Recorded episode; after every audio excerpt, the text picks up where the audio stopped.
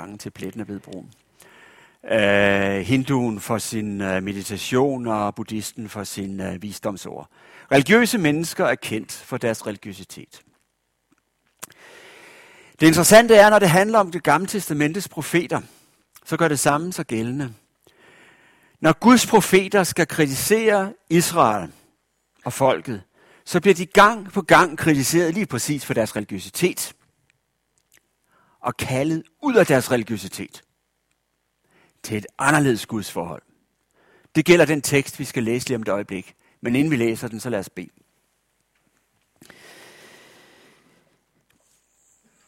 Kære Gud, nu beder vi dig om, at du vil gøre det stille i vores sind. Og vi beder dig om, at du ved dit ord vil gøre os mindre religiøse og give os mere Guds frygt. Her vi beder dig om, at vi må elske vores egen kristendom mindre og dit kors mere. Vi beder dig om, at du vil give os mere kærlighed til dig og til de mennesker, du har sat os imellem. I Jesu navn. Amen. Teksten er, som I kan se, Esajas kapitel 1 fra vers 11 til 20. Lad os rejse os i Jesu navn og læse. Hvad skal jeg med jeres mange slagtoffre, siger Herren. Jeg er med af brændoffre af ved og fedtet af fedekvæg. Blod af tyre og lam og bukke vil jeg ikke have. Når I kommer for at se mit ansigt, hvem kræver så af jer, at mine forgård bliver trampet ned? Bring ikke flere tomme afgrødeoffre, renselsesofre vemmes jeg ved, nymånedag og sabbat, festforsamling. Jeg kan ikke udholde festdag og ondskab. Jeg hader jeres nymånedag og fester, de er blevet en byrde, jeg ikke kan bære. Når I, når I rækker hænderne frem imod mig, lukker jeg øjnene. Hvor meget I end beder, hører jeg det ikke. Jeres hænder er fulde af blod, vask jer, rens jer. Fjern jeres onde gerninger fra mine øjne. Hold op med at handle ondt, lær at handle godt. Stræb efter ret, hjælp den undertrykte, skaf den faderløse ret før enkens sag. Kom, lad os gå i rette med hinanden, siger Herren. Af jeres synder som skarlagen kan de blive hvide som sne, af de røde som purpur kan de blive som uld. Hvis I er villige og lydige, skal I fortære landets goder. Men hvis I er modvillige og genstridige, skal I fortære sig sværet. Herren selv har talt. Amen. Jeg ved af erfaring, at når man læser sådan en profettekst op, så er det faktisk meget svært lige at fange, hvad der bliver sagt. Det har lidt at gøre med, at det er hebraisk poesi, og det er sådan noget gentagelses. Det samme bliver sagt flere gange, og så siger man noget nyt, og så bliver det sagt flere gange. Og man kan ikke helt finde ud af, hvornår, bliver det, hvornår det bare gentagelse, og hvornår noget nyt. Det andet, der gør det svært at forstå, det er, at der er sådan en masse begreber og ord, som vi ikke er vant til at bruge. Så, så mange mister lige tråden, når teksten læses op. Derfor vil jeg godt prøve at sige kort og på jævn dansk, hvad der står her. Det er den evige, hellige Gud, der taler. Herren har talt. Det var det sidste, jeg har læst. Øh, ham, hvis ord er det eneste, der til sidst vejer til og betyder noget. Og det han siger, det er på folkedansk. Jeg er død, piskende træt af jeres religiøsitet. Og det er faktisk en religiøsitet, I har meget af. Hvad skal jeg med jeres mange slagtoffer? I er religiøse nok. Eller vers 13. Bring ikke flere tomme afgrødeoffer, renselsesoffer, vemmes jeg vil. Ad, siger børnene, når man vemmes, ikke? Jeg siger ad, når jeg tænker på jeres religiøsitet. Eller vers 14. Jeres nymånedage og fester er blevet en byrde. I kan ikke bære, at I er så religiøse. Altså, jeg ved ikke, om I kan høre det. Det er faktisk sådan en lille smule, øh, det barske ord, det er en lille smule vulgære. De egner sig ikke helt til et missionshus. Der står sådan set, jeg er lige ved at brække mig.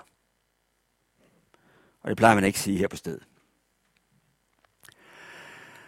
Og hvis man lytter efter, og hvis man kender det gamle testamente, så er det en anelse mærkeligt, det der bliver sagt.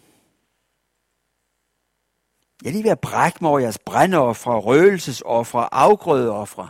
Det var da underligt. For Gud har indstiftet de ofre. Det kan vi læse om i 3. Mos bog. Jeg hader jeres sabbater.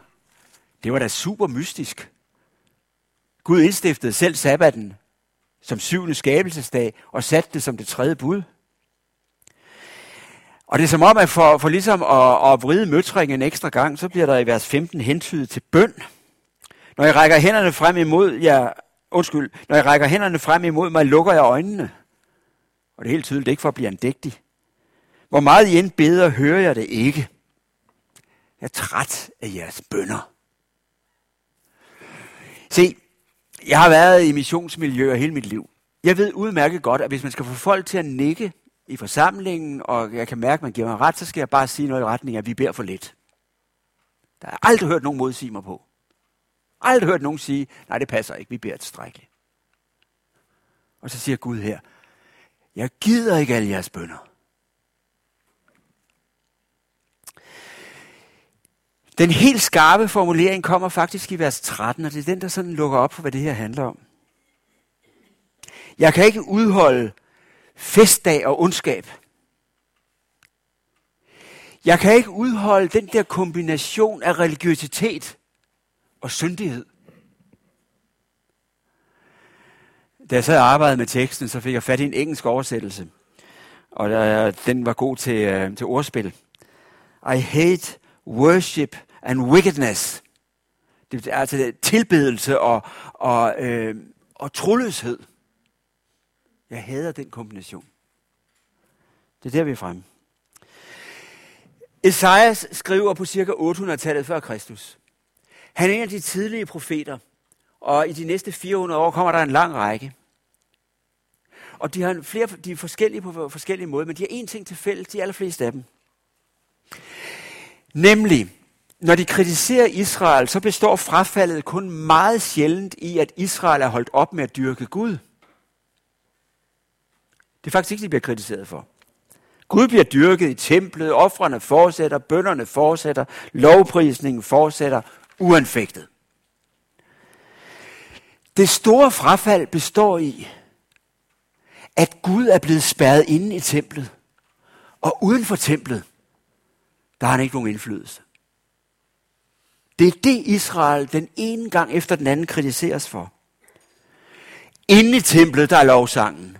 Inde i templet, der er offrene og bønderne. Udenfor, der er egoismen, jordbundetheden, liderligheden, bagtagelsen. Og så et fænomen, som Israels profeter gang på gang gør opmærksom på. De riges udbytning af de fattige. Vi har den faktisk også her. Stræb efter ret, Hjælp den undertrykte, skaf den faderløse ret før enkens sag. Den materielle synd i Israel, hvor nogen gjorde sig rige på nogle andres bekostning. Se, når religiøse mennesker er kendt for deres religiøsitet i det gamle Israel, så er det fordi, det er det eneste punkt, hvorpå de adskiller sig fra resten af verden. På alle andre punkter, der ligner de bare de andre. Det er hovedbudskabet, når Esajas og de andre profeter skal dømme folket. I har spadet Gud ind i templet. Uden for templet, der gør I, hvad der passer jer. Sådan siger den Gud, der er hellig, hvis ord til sidst er de eneste, der vejer til. Se, nu er Bibelen jo ikke skrevet for, at jeg skal holde historiske foredrag om situationen i Israel cirka år 800 før Kristus. Men det virkelig skræmmende spørgsmål, det lyder. Tegner Esajas ikke bare et portræt af det gamle Israel, men tegner Esajas et portræt af missionsfolk og kristne i det velstående Danmark i det 21. århundrede at det eneste, der adskiller os fra resten af samfundet, det er det, der foregår inde i det hellige rum. Kirken, missionshuset, bibelkredsen, børneklubben. Udenfor, der ligner vi bare alle de andre.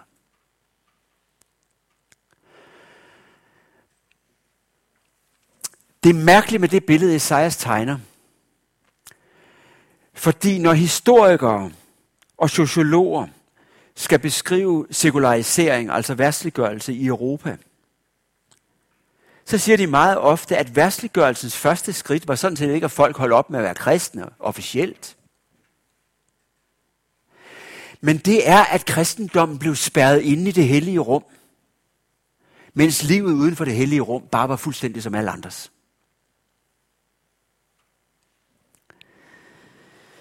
Det, det er sekulariseringens første skridt, siger historikere, værtslige historikere. Og først senere, nogle gange en generation senere, et par generationer senere, kommer det officielle frafald fra kristentroen. Det fromme frafald er det første. Bibelsynet er ikke ændret. Teologien er den samme. Bønderne lyder på den samme måde. Sangene lyder på den samme måde, måske med en lidt anderledes melodi. Bekendelsen er ikke ændret. Men uden for det hellige rum, der ligner de troende bare alle mulige andre. Se, kommet hertil i talen, så kunne jeg jo begynde at tale om kristens forhold til alkohol. Det kunne jeg godt. Det gør Bibelen nogle gange, og det kunne jeg godt have gjort nu. Jeg kunne også begynde at tale om kristens forhold til sex. Det gør Bibelen faktisk ret mange gange. Jeg kunne også begynde at tale om vores forhold til bekymringer. Øh, det kunne jeg også gøre. Men se, nu har jeg den øh, forestilling, at jeg gerne vil tale om teksten.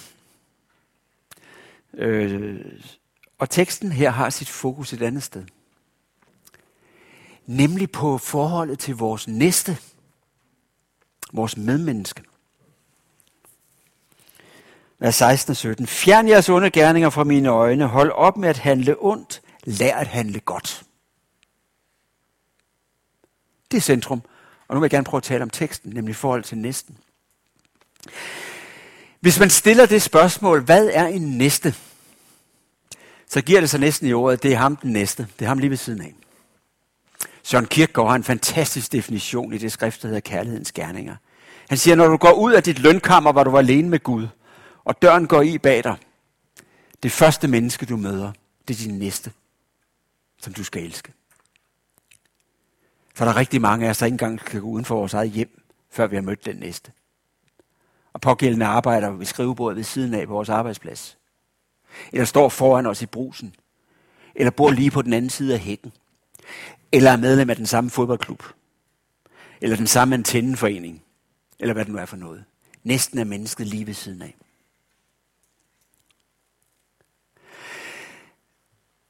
Hvis man så yderligere spørger, hvorfor er den næste så vigtig? Ja, så kan vi gå til Jesu definition. Skal vi lige to slides frem. Da Jesus fører sin sidste offentlige debat, inden han bliver arresteret, er der en fariser, der spørger ham, hvad er det største bud i loven? Og så svarer han, han sagde til ham, du skal elske Herren din Gud af hele dit hjerte og hele din sjæl og hele dit sind. Det er det største og det første bud, men der er et andet, som står lige med det. Du skal elske din næste som dig selv. Det er en meget mærkelig formulering. Og man er lige ved at tro, det er en selvmodsigelse. Der findes det første bud. Du skal elske Herren din Gud. Af hele dit hjerte, hele dit sind. Under nu.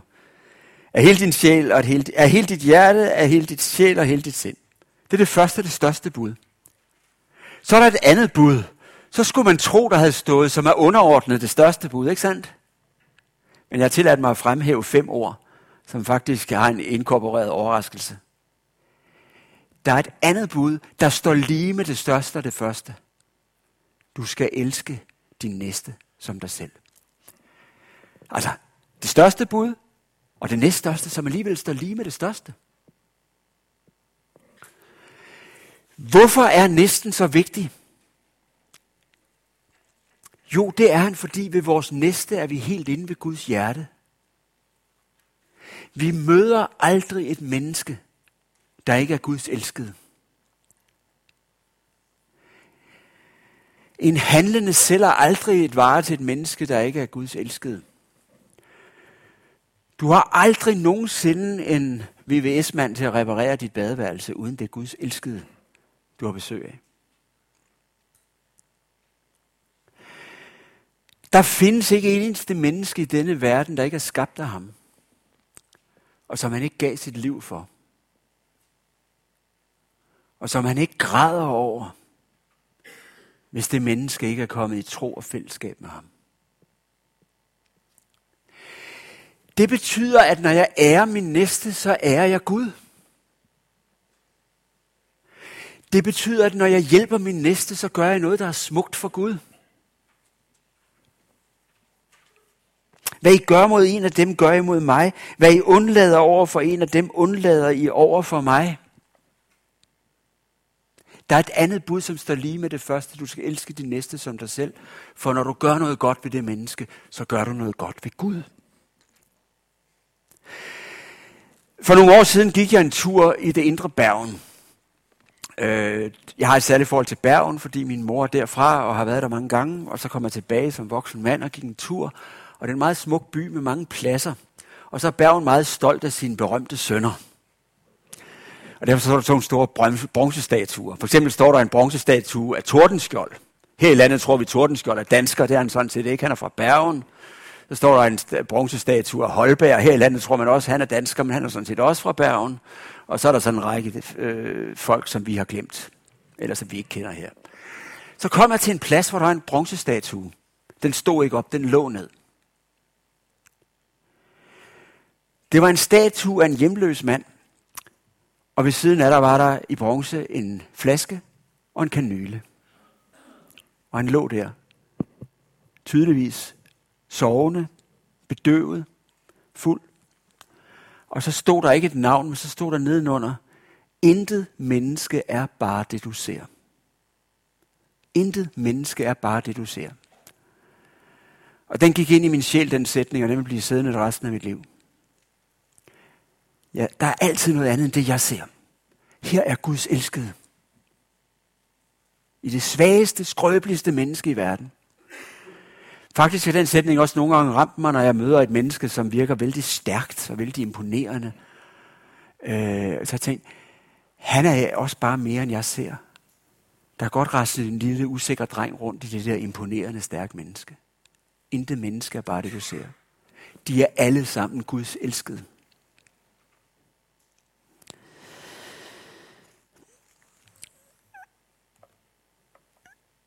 Så er det påfaldende i teksten, at de aktive gode gerninger faktisk spiller en stor rolle i den her tekst. Altså fjern jeres onde gerninger fra mine øjne, hold op med at handle ondt, lær at handle godt. Fjern de onde gerninger, det er bryd med synden. Det er en forkyndelse, vi øh, er forholdsvis gode til, som vi gør forholdsvis meget. Bryd med egoisme, bryd med misundelse, bryd med øh, utugt, bryd med øh, grådighed. Øh, aflæg det alt sammen, siger Paulus. Når vores tradition så skal nævne, hvad vi vender os til, så nævner vi meget ofte fromhedslivet. Altså, bryd med misundelse, med øh, grådighed, med øh, utugt, vend jer mod bibellæsning, bøn, møder osv. Det, det er en meget, meget almindelig måde at snakke på hos os. Skriften siger faktisk ofte noget helt andet.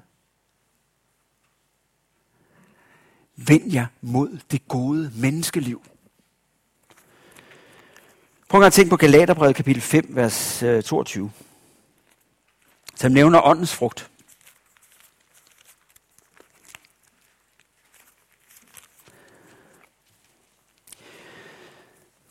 Åndens frugt er kærlighed, glæde, fred, tålmodighed, venlighed, godhed, trofasthed, mildhed, selvbeherskelse. Hvor er det dog almindeligt. Hvor er det dog almindeligt menneskeligt. Ved I, hvad det hellige liv er for noget? Det hellige liv, det er det gode menneskeliv. Det hellige liv, det er det kærlige liv. Det hellige liv, det er det liv, der gavner næsten. Åndeligt og fysisk, psykisk. Hold op med at handle ondt. Begynd at handle godt.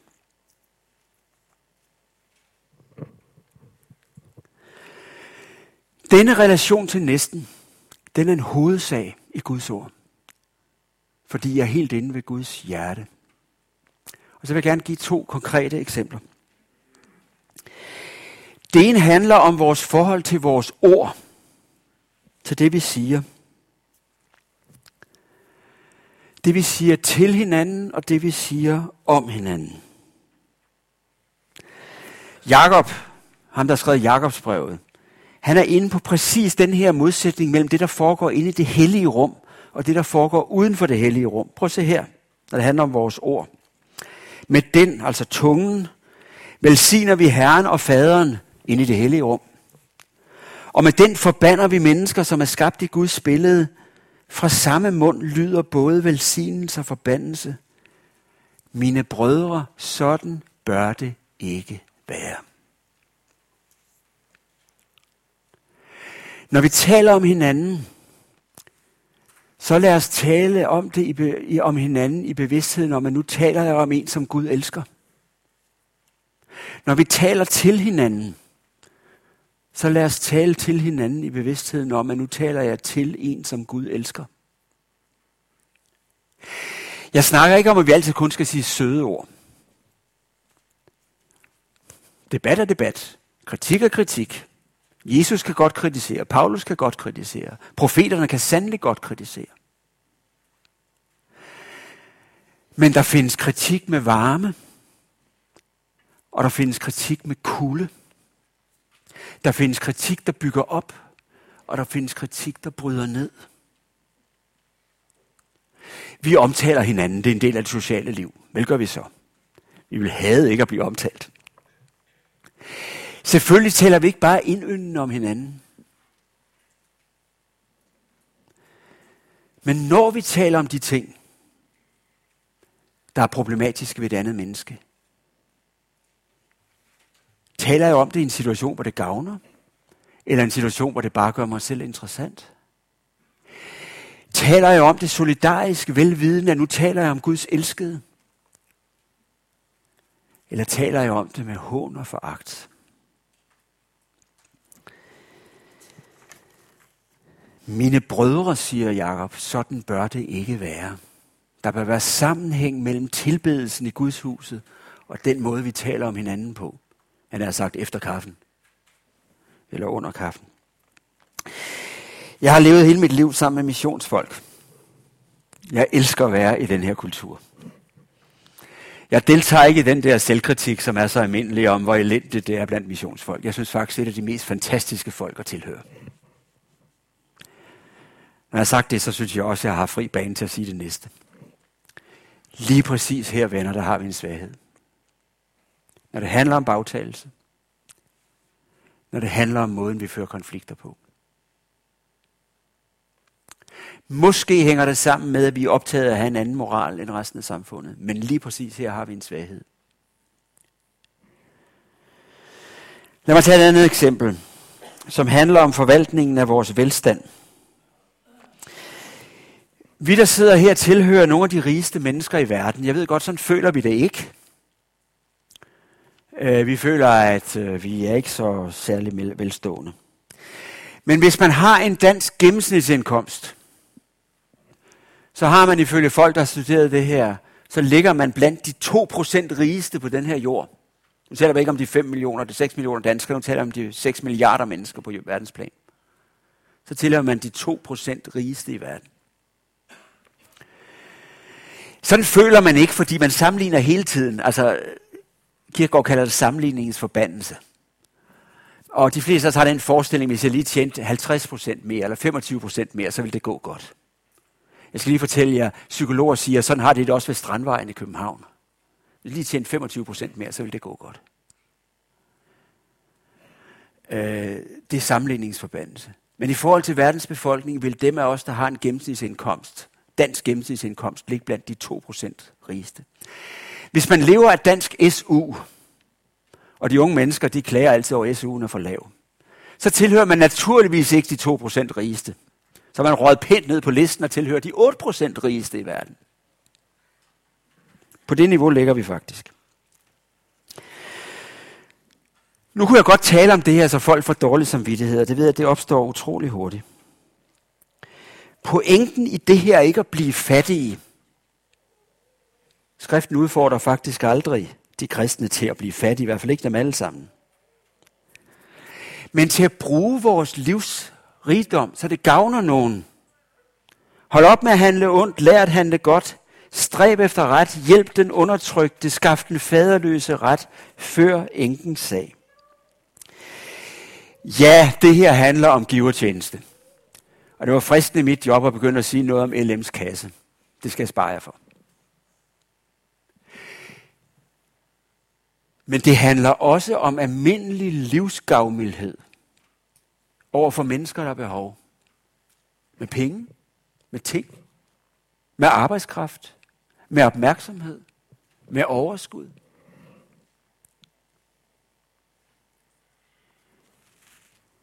Stræb efter ret, hjælp den undertrykte, skaf den faderløse ret før enkens sag. De, der er rige i den nuværende verden, byder jeg ikke at stole på deres rigdom, men at være gavmilde og gerne dele.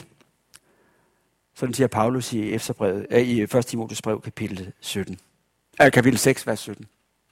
Der er ikke 17 kapitler i 1. Timotheus brev. Kapitel 6, vers 17. Gå ud og brug dine gaver, din rigdom, så det gavner andre. Det er det, der er pointen hos Esajas. Det er det, der er pointen hos, øh, hos Paulus. Hvor lander den her tekst så? Ja, nu skal vi lige lidt tilbage her. Den lander to steder. Og den lander mærkeligt nok de to steder sådan nærmest samtidig. Det ene sted, den lander, det er et tilgivelsesopgør. Jeg forestiller mig, en del af jer er begyndt at holde en tale inde i jer selv. Om det, der lykkes, og det, der ikke lykkes, når det handler om forholdet til næsten. Esajas siger, kom lad os gå i rette med hinanden, lad os gå i opgør om det her. Lad os tale ud med hinanden. Er jeres sønder som skarlagen, kan de blive hvide som sne. Er de røde som purpur, kan de blive som uld.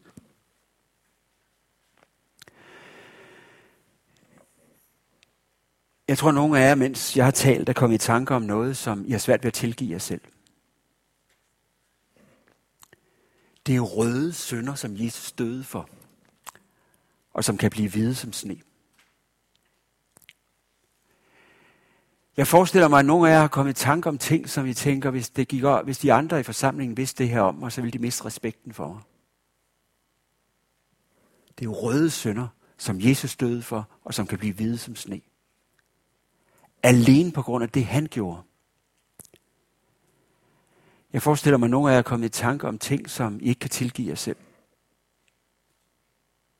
Det er jo røde sønder, som Jesus døde for. Da Jesus er opstået, så siger han til øh, kvinderne ved graven, hils mine disciple, øh, sig til mine disciple, at jeg er opstået, og til Peter. Den der underlige eftersætning, og til Peter, hvad skulle den gøre godt for? Jo, for Peter var den, der havde lavet det mest spektakulære øh, fald overhovedet. Han havde først pralet med, hvor tro han ville være mod Jesus, og så havde han helt offentligt fornægtet ham. Han var den, der skammede sig mest. Og så får han en særlig hilsen. Det var som om, at Jesus kendte et, øh, et gammelt dansk ordsprog, der lyder sådan her. Elsk mig mest, når jeg mindst fortjener det, for der har jeg mest brug for det. Elsk mig mest, når jeg mindst fortjener det, for der har jeg mest brug for det.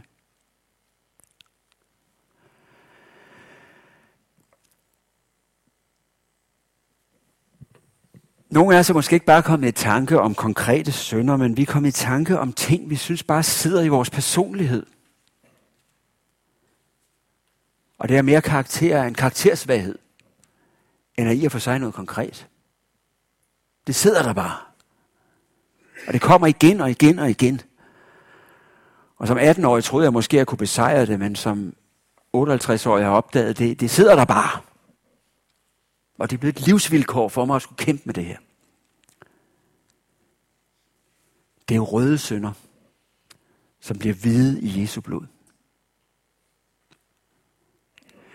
Det er Jesus, der elsker mig mest, når jeg mindst fortjener det. Det er det ene sted, hvor Esajas lander. I en total betingelsesløs tilgivelse. Det andet sted, Esajas lander, det er faktisk en udfordring. Læg stilen om. Vers 19 og 20. Hvis I er villige og lydige, skal I fortære landets goder, men hvis I er modvillige og genstridige, skal I fortæres af sværet. Det Esajas siger her, og som det nye testamente for øvrigt gentager, det er, der er total tilgivelse. Også for gentagelsessynderne. Også for det, der er blevet karaktersvagheder i mit liv. Og, ikke men, men og. Jeg kaldes til at leve et nyt liv. Et liv i en anden stil. Hvad er det, Isaiah siger? Det er, gå ind i den hellighed, der ikke viser sig i fromhedsliv først og fremmest. Fromhedslivet er godt nok, men det er ikke den egentlige hellighed. Gå ind i den hellighed, der viser sig i livet med næsten. Enken, den faderløse.